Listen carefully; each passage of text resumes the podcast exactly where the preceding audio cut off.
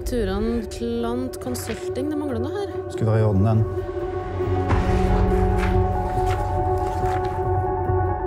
Altså, det er jo hvitvask. Du skal holde så jævlig kjeft i det.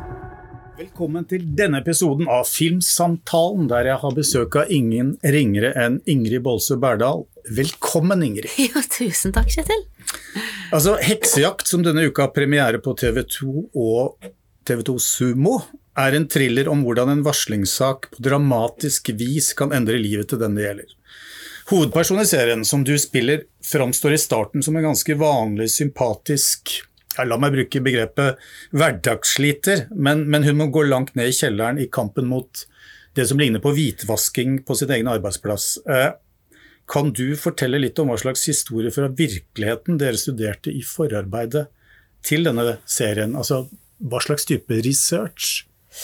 Ja, altså Jeg vet jo det at Anna Bakkevik og Siv Rajendram, som har skrevet manuset på 'Heksejakt', har jo gjort et enormt researcharbeid. De har jo satt seg inn i mange varslersaker, og har òg studert um, her, her innenfra via folk de har snakka med i, både i Mm. næringslivet, i politikken og i, i politiet, da. Så Og for meg så var det jo òg en kjemperessurs å ha så to så grundige manusforfattere å kunne uh, snakke med om de ulike tingene. Mm. Eksempel var det noe som jeg lurte på av tekniske greier i manuset, så var det bare å ringe dem, og så hadde de svar på det. Så jeg føler at det opplevde jeg som veldig vanntett, da. Eh, og hvilke saker de har gått inn i spesifikt, det må jeg nesten snakke litt med dem om. Eh, det er jo uttalt at det er inspirert av annet Kari Brerem sin Ja. historie. Um, Som ledet fram til den Tønne-saken. ja, ikke sant? Um, så hun jobba jo på et advokatkontor og oppdaga uh, noe som hun oppfatta som en, en grov feil. Um, så de har jo, altså manusforfatterne har jo tatt tak i blant annet den eh, historien, og er inspirert av den, men det er ikke, det, her, her er jo ren fiksjon, det som vi har laga. For, for Ida, hovedrollen, altså hun er jo en, på sett og vis en litt outsider i dette miljøet. altså Hun kommer fra staten og begynner å jobbe i det private næringsliv, og ser ut til å trives ganske bra Ja, når vi møter henne. altså... ja, ja, og det, det syns jeg var veldig fint, egentlig. Eh, at eh, Å kunne formidle det på den måten der. Eh, og så er det jo selvfølgelig dramaturgisk sett kanskje mer spennende å se på en utvikling fra å føle at man har tillit til mm. kollegaer, til en sjef, at man er bra likt, Mm. og se hvordan da dette her etter hvert forvitrer og transformeres til et uh, mareritt, da.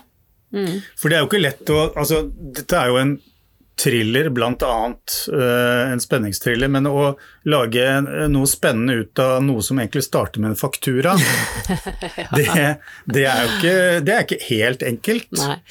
Eh, hvordan, hvordan tenkte dere i forhold til det, altså alle disse kontorrutinene og praten om den fakturaen og den fakturaen, og og det er, det er noe her som ikke stemmer osv. Mm. Eh, det er ganske enkelt formidlet, men det tror jeg egentlig var ganske klokt. Sånn at, eh, fordi i en del thrillere med mye papirarbeid, så kan man til slutt drukne i eh, altså kompliserte rutiner. Ja da. Ja, nei, vi snakka mye om det der, og det syns jo jeg var noe av det mest interessante egentlig med denne oppgaven. Hvordan i alle dager greie å formidle den typen panikk, eh, redsel, nærmest paranoia etter hvert i en persons indre liv. Og det dramaet som foregår inni et eh, menneske når det ytre er så rolig. Her er det jo ikke en, Ida Våge, altså jeg spiller jo ikke en person som springer fra en øksemorder midt på natta. Det er ingen sånne type skrekkelementer. Men da jeg gjorde den viktigste kanskje researchen for min del, var jo å sette meg inn i eh, hva går herre menneskene igjennom eh, psykisk sett, de som velger Mm. å gå til det skritt og prøve å si fra om uregelmessigheter på egen arbeidsplass og bli motarbeida. Hva betyr det, hva opplever de, hva føler de? Og det som jeg har fått veldig sterkt inntrykk av, er jo at det er veldig mange som opplever det som ufattelig tøft. Altså som eh, møter en type motstand som slår fotene litt under dem, og at det er mye forvirring og redsel og eh, altså både svimmelhet og magevondt og veldig, veldig At det er veldig, veldig tøft, da. Ja. Men det jeg syns er interessant ved Ida, er jo at hun er en person som ikke kan egentlig utstå konflikter. Altså hun liker det ikke, men så har hun samtidig en ganske sånn grunnleggende samvittighet som gjør at uh, hun havner i en veldig konflikt. Uh, hun vil egentlig, hun ønsker egentlig å tro at det, at det egentlig ikke er noe galt.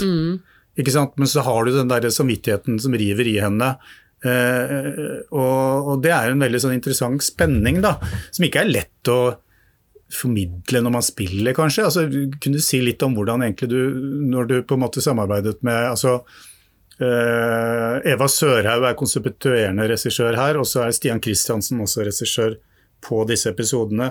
Hvordan på en måte, Kan du si litt om hvordan dere fant fram til skal vi si, spillestil, eller altså hva, hva dere la, valgte å legge vekt på? da? Ja, og det går jo, syns jeg, tett inn på det vi nettopp snakka om, egentlig hvordan greie å formidle eh, panikken i en sånn type situasjon. Eh, og det, altså en skuespiller er jo egentlig kanskje ofte eh, Vi gjør jo jobben vår så godt vi, vi kan, og så er det veldig mye andre elementer som, som selvfølgelig også avgjør eh, hvordan det kan oppfattes, altså i når filmen både eh, altså, hvordan foto det er, og hvordan det lydlegges, og hvordan musikk, og hvilken klipp, og alt det der.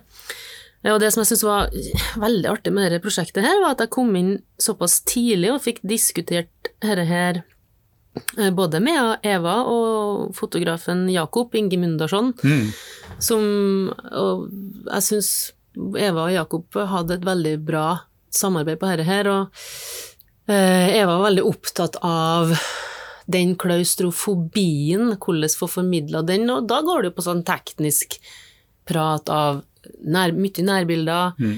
litt eh, spesielle kanskje vinkler. Eh, hun ville gjerne ha noen passasjer av litt slow motion, sånn at man føler en slags ja, hva nå enn det gir av slags følelse for en seer, da. Eh, hun ville i hvert fall prøve å leke seg litt i det landskapet der for å skape illusjon av det trøkket og det rommet. Og når jeg da skjønte det, så vet jeg jo hvilket, hvilket format eller hva det er slags rom jeg kan bevege meg inn i. Uh, og det var veldig artig å jobbe med en Jakob uh, som hadde de første episodene der, uh, i forhold til det. Som mm. Det var jo veldig mye improvisasjonsting, å ha et sånt samarbeid med en fotograf som er såpass tilstedeværende, og som lar skuespillerne få lov til å gjøre ting. Det syns jeg er kjempe, kjempeartig å være med på. Ja. Men, men man glemmer ofte det at, at øh, kanskje i større grad enn regissøren, så er jo fotografen den som kommer tettest på skuespillerne. Eh, og, så det å ha en nærhet eller en kontakt med fotografen er kanskje viktigere enn man er klar over, eller ofte snakker om. Ja, Det varierer kanskje fra prosjekt til prosjekt for din del. Det kan jo hende, og så er det jo kanskje Det er jo ulike typer skuespillere og ulike typer fotografer òg. Um, men jeg husker veldig tidlig at det var noen som sa det til meg, Uh, at det er så viktig å få et, et godt samarbeid med en uh, fotograf, for det er jo ikke alle spørsmål Altså, når man er på et filmsett, så er det jo kanskje 10 000 spørsmål man har om alle mulige ting. Og en regissør uh, og en innspillingsleder blir jo bombardert med veldig mange spørsmål. Eh, Så det å kunne ha en person som en fotograf og å spørre om noen av de tekniske tingene, bare det er jo veldig nyttig for min del. Eh, I tillegg til så er det jo et eh, fantastisk yrke og, og, og fabrikk, det derre settet og det å lage en film, fordi det er sånt et samarbeid.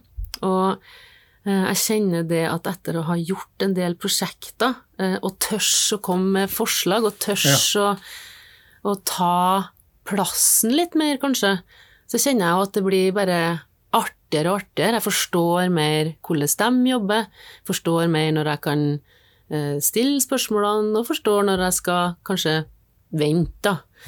Eh, Og det der tar jo litt tid, det tar jo litt trening, det tar jo litt erfaring. Mm. Så jeg syns det var kjempeartig av mange grunner å få muligheten til å være med på et sånt prosjekt som heksejakt, eh, ikke bare fordi jeg syns historien er veldig viktig, og belyser eh, problemer i dagens samfunn, men også for min egen del som skuespiller, da, i forhold til samarbeid med det som vi snakker om nå, og med de andre skuespillerne.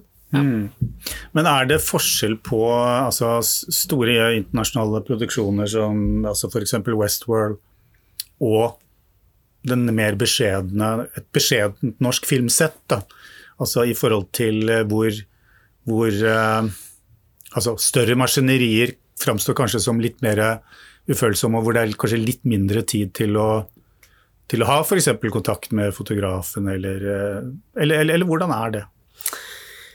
Um, Ja, jeg vil si at det er litt både og. Uh, alt som har med teknikk, utførelse, eh, hele den organisatoriske biten av hvordan et filmsett eh, En avvikling av et filmsett syns jeg er helt lik. Eh, så er det jo selvfølgelig veldig mye mer folk, veldig mye mer penger, og flere folk som vil mene. Det sitter jo ofte på den typen produksjoner, nå har jo ikke jeg vært med på all verden, men av det jeg har erfart, så syns jeg jo ofte at det sitter veldig mange i regiteltet, for å kalle det det, av både produsenter, manusforfattere, eh, showrunnere, som har veldig klare meninger. Jeg tror veldig at eh, skuespillere har en, et rom der òg, så absolutt. Um, men jeg har vel enda til gode å kanskje komme til et, ja, hva skal jeg kalle det, trygghetspunkt eller et selvtillitspunkt av av å ta den plassen, da. Det er vel mer kanskje at jeg har erfart såpass mye på de typen produksjoner, sånn at jeg har fått en, en sånn erfaring For eksempel på Westworld, jeg var jo på, på settet der så, i så mange dager, og spilte egentlig ikke så mye. Så, men jeg var der og så, for at jeg ble jo innkalt Ja, ja. Men uh, den rollen, i hvert fall i sesong to, der står jo hun som jeg spiller ganske mye og observerer ting. Så jeg har fått en ganske sånn stor erfa erfaring, tror jeg, på ok, hva, hva foregår egentlig her, hvilke mekanismer er i sving, uh, som har gjort at jeg kanskje har fått mer sjøltillit i forhold til å returnere til Norge, da, og syns at det har vært igjen med heksejakt å få en sånn bunch med kollegaer på skuespillersida som, så- altså, som er så seriøs, ydmyk, leiken, eh, som ønsker å, å, å dra i, i flokk. Det syns jeg var veldig meningsfullt, da. Mm. Så har jeg, ja, jeg, hvis jeg skal gjøre mer i utlandet, så har jeg tenkt mye på det. Ok, hvordan skal jeg nå ta med meg den samme innstillinga også på et filmsett eh, av den størrelsen, uten å føle at nå må jeg bare prestere eh, et eller annet, hvis du forstår hva jeg mener. Men, men du har jo på kort tid hatt hovedrollen i, i en, en nordisk storproduksjon, altså 'Spionen', eh, og så i denne serien. Da. Eh, altså, og det er jo to hovedroller som har noen likhetstrekk. Altså det, det, er, det er to kvinner som havner egentlig i en umulig situasjon, altså hvor de er nødt til å Altså, de er nødt til å improvisere og, og lære seg å svømme for ikke å drukne. Eller, altså, jeg vet ikke helt hvordan jeg skal beskrive det. Men altså, eh, hvordan vil du sammenligne de to rollene? Fordi det er klart at du har mer tid i eh, serieformatet og, og heksejakt eh, til å kanskje gå i dybden av, av rollen enn du har i Spionen, som da varer halvannen time. Eh, da er det kanskje ja, det, blir, det, blir to måter å tilnærme seg en rolle på, kanskje. Hva, hva, hva tenker du om det? Altså, føler du at i serieformatet kan virkelig For det er jo det man gjerne sier om, om dramaserieformatet, at her kan man virkelig gå i dybden som skuespiller. Mm. Ja, øh, jeg vil vel si at jeg tilnærma meg de prosjektene veldig likt. Um, bare at kanskje på heksejakt, ja, man får vel Når man er med i såpass mange scener i åtte episoder, da, Mm. uh, flere muligheter til å lage en større, kanskje, palett av um, Ja, av Man kan kanskje vise flere sider av et menneske, Ja. muligens, men jeg tror jo at det kommer veldig ut ifra hva slags manusgrunnlag som ligger der i utgangspunktet. Um, og felles for både heksejakt og um, spion er jo Det er jo det som vi jo elsker å se på, nemlig et menneske i kamp. Mm. Eh, hvor man må rearrangere litt eh, hva man kanskje trodde, både om folk og seg sjøl, og eh, Og det tror jeg jo eh, Men jeg har ikke tenkt på at det er noe felles kobling med dem, egentlig, annet enn at de står opp imot en slags større makt, da. Eh, Ja. Men, men, men hvis vi går tilbake til heksejakt, altså eh, Jeg tror det var en av serieskaperne, Anna Bakkevik, som sa at etter at jo mer hun lærte om varslernes situasjon, altså livssituasjon, i, i mindre grad ville hun anbefale noen å Eller hun nærmest sa altså kostnadene ved å gjøre det er så enorme, og ingen er, ingen er forberedt på det. Mm. Det er jo ikke så veldig oppmuntrende eh, å tenke på, egentlig. Nei. Altså, jeg tror de også, eh, serieskaperne har kalt det et demokratisk problem. Altså, Ja, nei, det er jo dette som da serien òg handler litt om, da. Og det heter seg det at det er mange varslere som aldri ville ha gjort det igjen, og som angrer seg. Eh, og bare det at det heter for en varsler, altså egentlig så skal det høres ut som at det har blitt en slags normal, at man får et stempel på seg fordi at man bare egentlig rekker opp handa og sier her er det en systemsvikt. Det er jo egentlig sånn det skal være. Og så blir det en, et konglomerat av og til, da, av eh, mistillit, misforståelser, eh, noen føler seg trua, eh, utfrysning de kan oppleve, og den typen ting. Og ja. og det kan jo være ganske altså, subtile måter man gjør det på. Altså, i, I serien så er det jo altså Ida blir jo utsatt for et ganske sånt altså Det er ganske raffinerte hersketeknikker hun blir utsatt for. eh, ja. Og som på en måte i innledningsvis eh, vipper henne av pinnen. Mm. Det er et eh, intervju som jeg så som jeg syns var veldig artig forbindelsen. Artig var det jo ikke, da, men eh, veldig eh, spesifikt eh, og godt. Det var på bokprogrammet, det ligger på nettet. Eva Jolie blir intervjua om varsling. Og hun beskriver det veldig godt i den forstand av at hun opplever at menneskeheten har et slags underkastelsessyndrom, tror jeg hun kaller det. Altså, hva er det som gjør at man på en arbeidsplass eller i en Ja, det kan være uansett hvilken gruppe man er i, som gjør Hva er det som gjør at, uh, at en varsler, at noen som sier fra, f.eks. ikke blir trudd? Ehm, og For man skulle jo tro da, f.eks. i Ida sin, uh, sitt ståsted, når at hun føler sjøl at hun har veldig gode beviser på dette her, hva er det som gjør at hun ikke får med seg noen? Mm. Og som Eva Jolie sier, så sier hun at sannheten i seg sjøl er ikke verdt noen ting, med mindre man greier å framstå troverdig. Og har ikke folk opplevd en del av det samme sjøl, så er det lett å ikke gi støtte. Og så er det et eller annet med kanskje menneskets behov for, å, for tilhørighet til å Vi har jo angst for å bli frosset ut av flokken, kanskje det er et eller annet iboende i oss helt fra gammelt av. Er ikke vi med i gjengen rundt leirbålet, så kan vi jo bli spist av en løve. Ja. Um, og jeg har tenkt veldig mye på det med, med hva er sannhet, hva er sannhet for meg, eh, hva er integritet for meg, eh, og de det taskenspilleriet, for å kalle det det, som Ida opplever, som du peker på, etter at hun sier fra om det hun har oppdaga, er jo så stygt. Og det er vanskelig å skjønne hva som foregår, tror jeg òg, når man blir utsatt for det, da. Man tror at Det er mange som ikke tror at folk kan oppføre seg på den måten der. Hva er det som bor i folk som gjør at de kan være så rett ut ekle?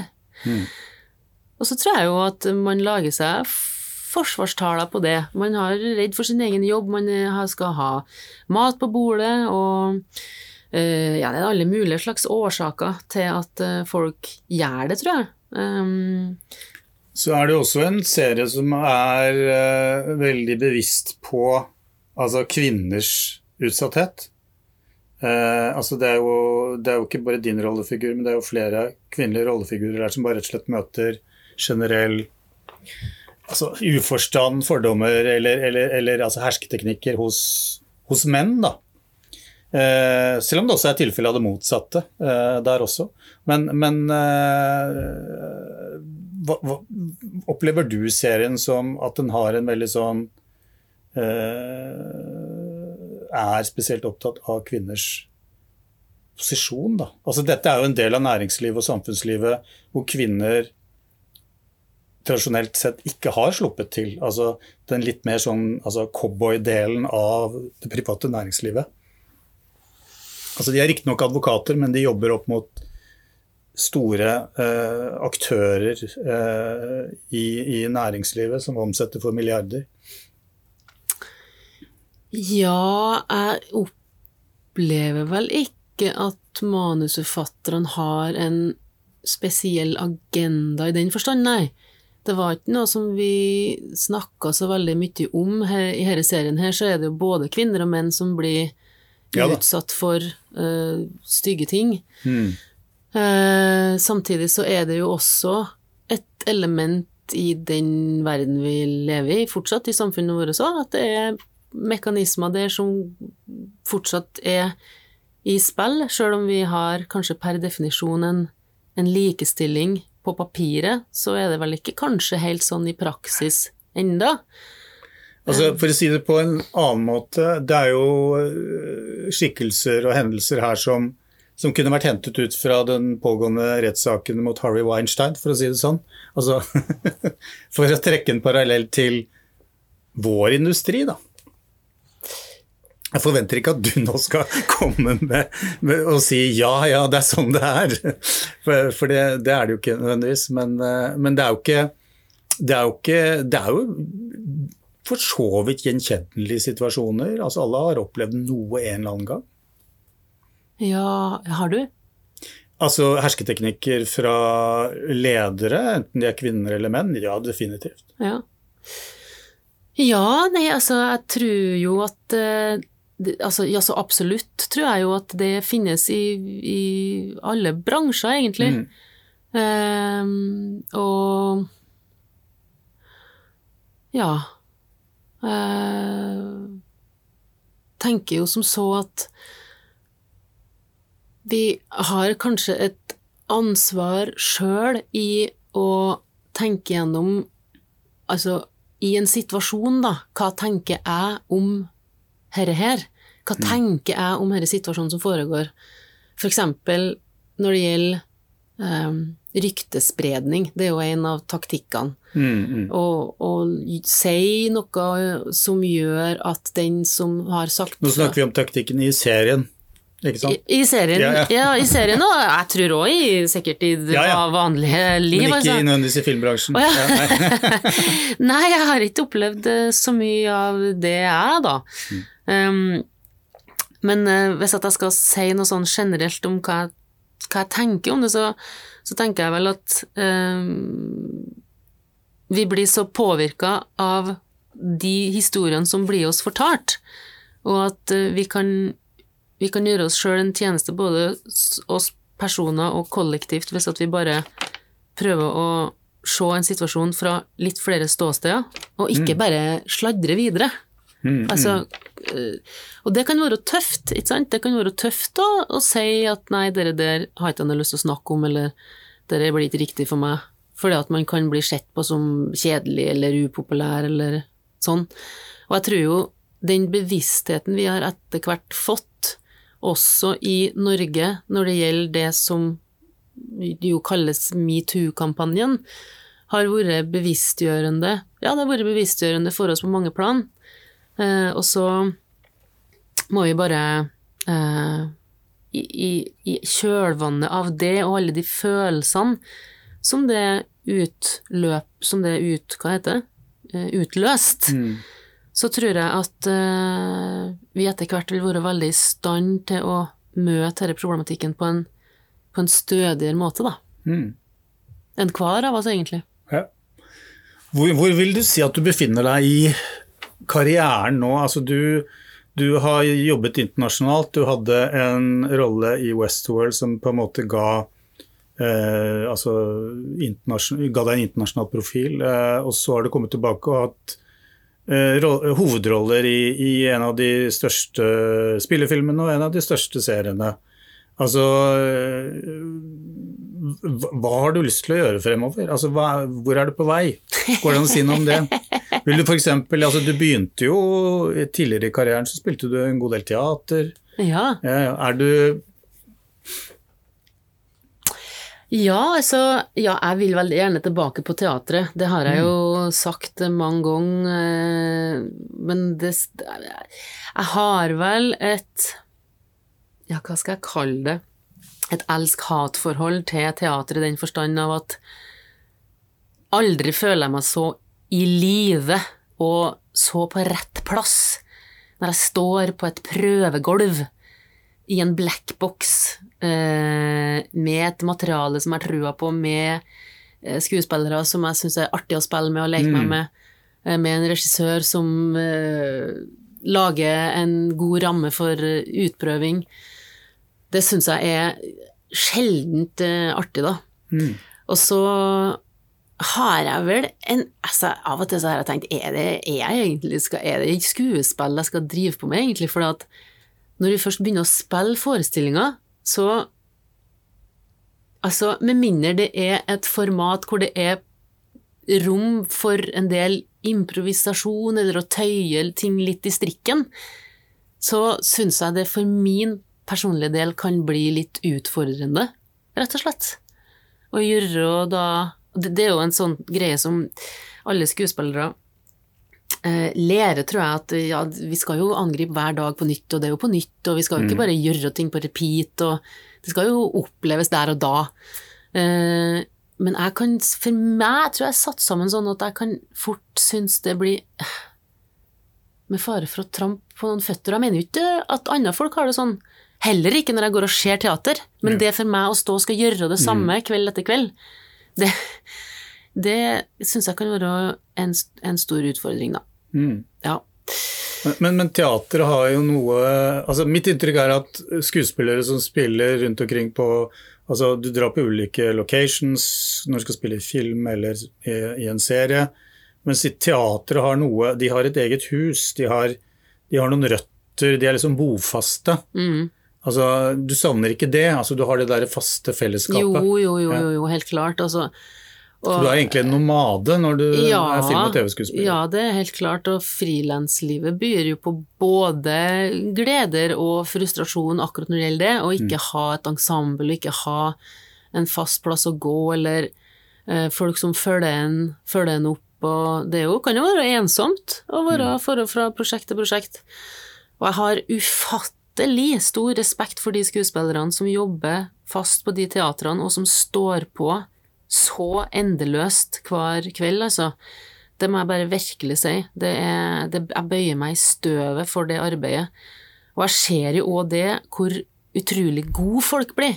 De får, de teaterskuespillere har, tror jeg, òg en egen forståelse og trening etter hvert, tror jeg kanskje, da, Ikke at man må det, men jeg tror det er en, en effekt av å ha jobba såpass mye at de får en forståelse for dramaturgi, sceneanalyse, hva som funker i en scene og ikke. Eh, Fordi de spiller så mye, de gjør det hele tida, og man holder seg sjøl i gang. Og bare det òg, gå Det kan jo gå lang tid mellom hvert prosjekt jeg gjør. Og det å være vekk fra utøvelse av faget i en periode kan jo gjøre at, man, at jeg har følt meg Å, guri malla, nå skal jeg begynne å stå foran et kamera igjen, eller spille med folk, hvordan var nå dette, kan jeg nå egentlig, alle de der usikkerhetstankene som kan komme, da. Mens er man i gang hele tida, så tror jeg, i hvert fall de gangene jeg har vært veldig mye i gang, så jeg har en mye større trygghet og en ro rundt ting som gjør at jeg tørs å eh, ta litt flere sjanser, da. Eh, men så er jeg jo igjen litt redd for å ikke trives, og jeg har jo ikke trivdes noen ganger. Og når jeg ikke trives, så mistrives jeg så grusomt. Så jeg prøver å, å unngå det, da. Altså å mistrives på, på et sett, eksempel? Eller? Nei, ja, det kan jo Mm. skje, men jeg mener at på Altså, herlighet, at jeg mener ikke at altså, Jo, jeg må jo være ærlig med meg sjøl på det. Og da mener ikke jeg at det ikke er trivsel på et teater, for det er det så absolutt. Eh, Men at jeg synes det kan være tøft, da. Mm. Tungt. Særlig å gå på store roller med, med heavy stoff kveld etter kveld. Um, det, det, tar, det tar veldig på. Og jeg har vel uh, konkludert med meg sjøl at jeg kan ikke jobbe på den måten uh, og ha det bra i livet mitt, da. Mm. Og så har du den andre ytterligheten, som er du befinner deg på et sett, og så bruker man mesteparten av tiden på å vente. Ja, er Men det ligger ikke noen frustrasjon der, nødvendigvis.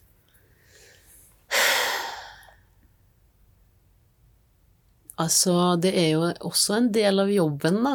Ja. Nei, altså, jeg tror det Der jeg er med, får sjansen til å være med på et sånt prosjekt som Heksejakt, hvor jeg opplever en sånn eh, Et sånt samarbeid med resten av skuespillerne, eh, og et ønske om Altså, det var veldig mye av mine kollegaer som jeg snakka med i forhold til Trives du på et filmsett? Mm. Føler du at det er en plass hvor du får brukt dine styrker? Eh, og der er det jo eh, altså interessant nok en god del historier som går på at det kan være utfordrende. Det kan være utfordrende å finne plassen sin. Ironisk nok som skuespiller, når det er vi som står der til syvende og sist foran kamera og er dem som Hvor, hvorfor kan det være sånn, tror du? Nei, det er- fordi det er så mye fokus på teknikk, eller? Ja, dette har jeg tenkt veldig mye på, og jeg tror jo kanskje at det, har, jeg tror det er en, en, et sammensatt eh, svar. Jeg tror at det ene elementet er at jeg tror det handler om at vi kanskje er, har vært en litt ung bransje.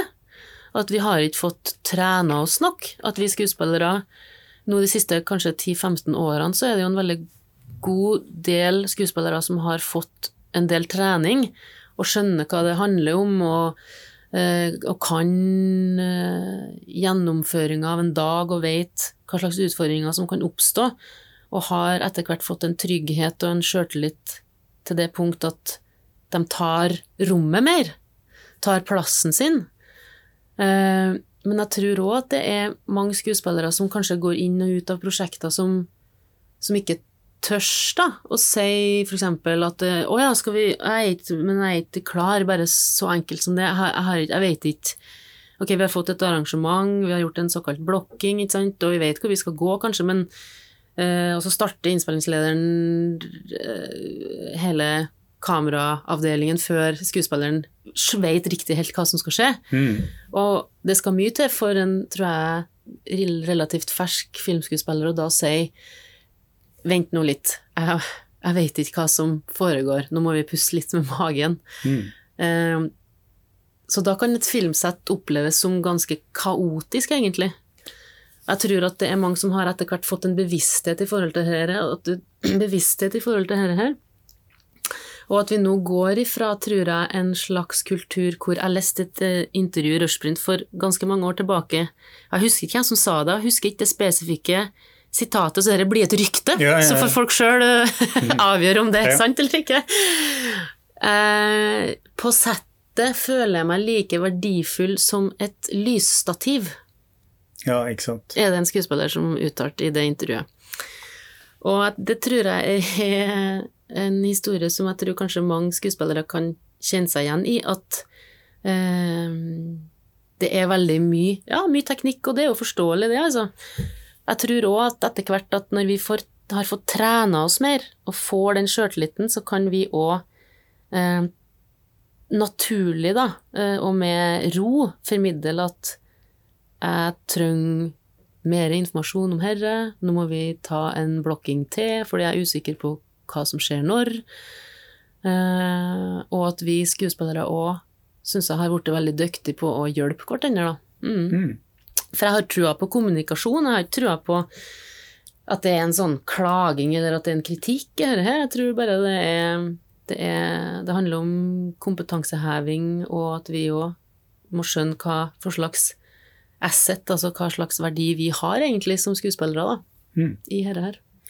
Men fordi du får på en måte stadig større oversikt over hva det innebærer, og hva de ulike fagarbeiderne bidrar med, du, du har ikke tenkt at kanskje jeg burde regissere litt selv også? Noen skuespillere gjør jo det. altså Tuva Novotny har Ja, gjort det. ja, ja, og jeg, jeg tar av meg hatten altså, for at Tuva og alle dem som går på det. Um, jeg har enorm respekt for uh, regiyrket og hva de står i, uh, altså, og skal navigere i i alle folks sine spørsmål og uh, ja, jeg snakker med regissører om hva de står i når de går i produksjon, og det virker jo altså veldig tøft, da, syns jeg. Eh, og så har jeg òg veldig respekt for det der med at en historie, syns jeg i hvert fall, bør formidles igjennom et blikk. Hvilket syn på verden har regissøren, og hvordan transformeres det visuelt og gjennom alle de virkemidlene som film jo byr på. Mm. Um, det har jeg veldig respekt for, jeg tror, og jeg kan ikke noe, rett og slett, om alle de tingene der. Um, når det gjelder skuespillerregi, så tror jeg at jeg kunne ha kanskje kommet med noe vettugt, da. Det syns jeg er artig. Og det tror jeg òg det er mye å, å hente. Å gjøre en skuespiller trygg, og jeg vet jo veldig godt sjøl hva alle skuespillere bærer på av muligheter inni seg Mm. eh, når det gjelder å være til stede, fri, eh, og hva som kan foregå på et sett som gjør at det blir verre for en skuespiller å komme til et sånt punkt. For jeg har opplevd mye av det sjøl. Så det kunne jeg gjerne tenkt meg, å jobbe f.eks. som en regiassistent eller et eller annet sånt nå i en sammenheng. Ja. Ja. Ja, det tror jeg noen og enhver kunne dratt nytte av. Men eh, da sier jeg bare tusen takk for at du ble med i Filmsamtalen, Ingrid. ja, men så hyggelig. Takk for det, Kjetil. Da skravler jeg på, jeg. Ja. All right.